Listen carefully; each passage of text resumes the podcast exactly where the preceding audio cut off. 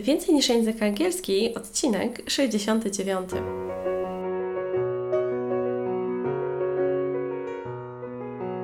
Witaj, nazywam się Ewa Ostarek i jestem trenerem języka angielskiego. Sprawiam, że język angielski to przyjemność.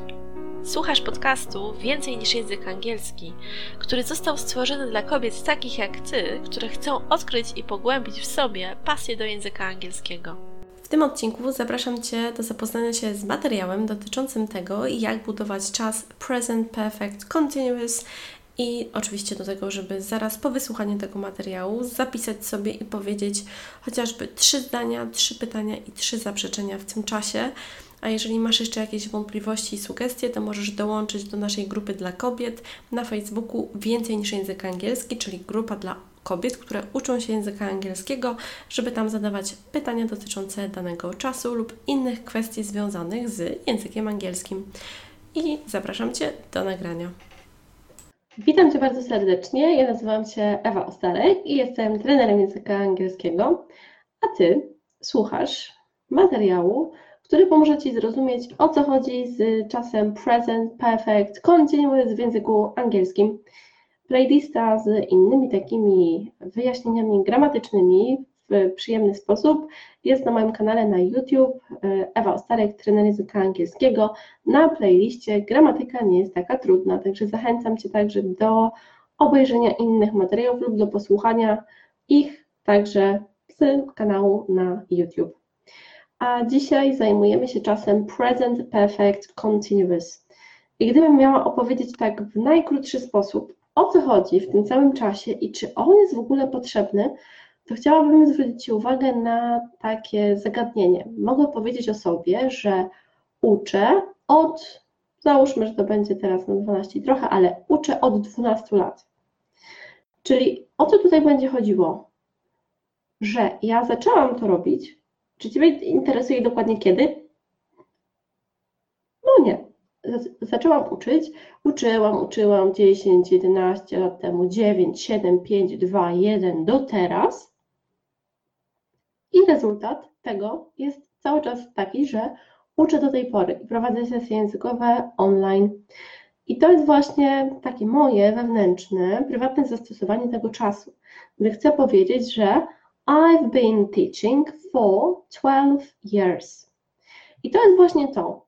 Na początku chcę Cię też zachęcić do tego, żebyś sama pomyślała, jak w Twoim kontekście można zastosować ten czas present perfect continuous, żeby to dla Ciebie miało sens.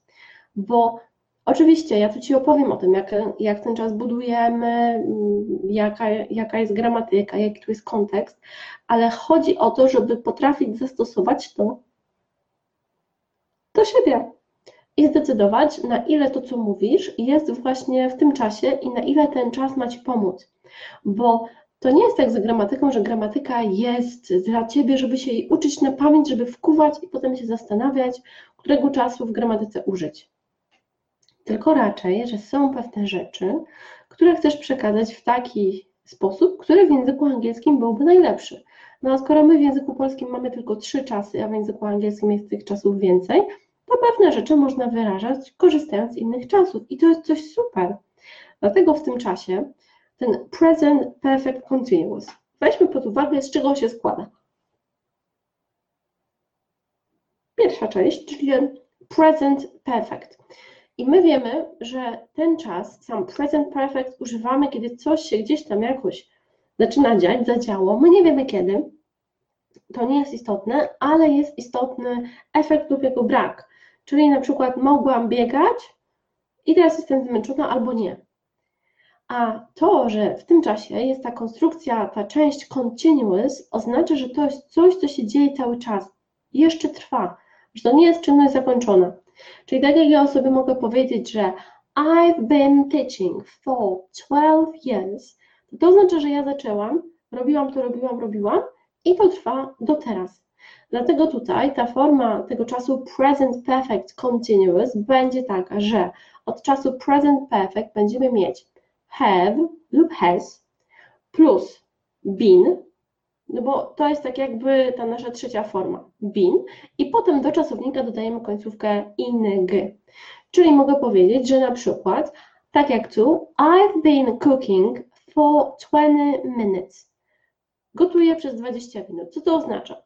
No, że gotuję, gotuję, gotuję, że zaczęłam to moje gotowanie w jakiejś przeszłości i to moje gotowanie cały czas trwa. Z gotowaniem to nie jest tak, że już się od razu y, robi, gotuje i jest koniec, tylko to gotowanie jakiś czas trwa, więc zaczęłam gdzieś tutaj, tak jak jest tutaj taka linia czasu, możesz sobie wyobrazić też, jeżeli jest taka linia czasu i jest taki jeden na niej punkt, y, który oznacza teraźniejszość, a ten present perfect continuous opisuje nam to, że coś się zaczęło, jak mamy to, że jest teraz, to po lewej stronie i to jakby jest zakreskowane, bo to cały czas gdzieś tam trwa, do tego momentu now, do tego momentu teraz, czyli I've been cooking for 20 minutes oznacza, że zaczęłam jakoś tam, i gotuję przez 20 minut i to cały czas trwa. I właśnie to, że jest to continuum, to nam podkreśla, że to jest coś, co trwa cały czas. I to jest to. Tak samo jak możesz powiedzieć, czytam od dwóch godzin. Tak, że jakby zaczęłam czytać, no i cały czas czytam, bo ta książka mnie tak wciągnęła, że nie mogę się powstrzymać, więc byłoby been reading for two hours. Czytam I've been, może być I've been albo I have been. To jest dokładnie to samo. Read z końcówką ing for two hours, przez dwie godziny. I to jest to.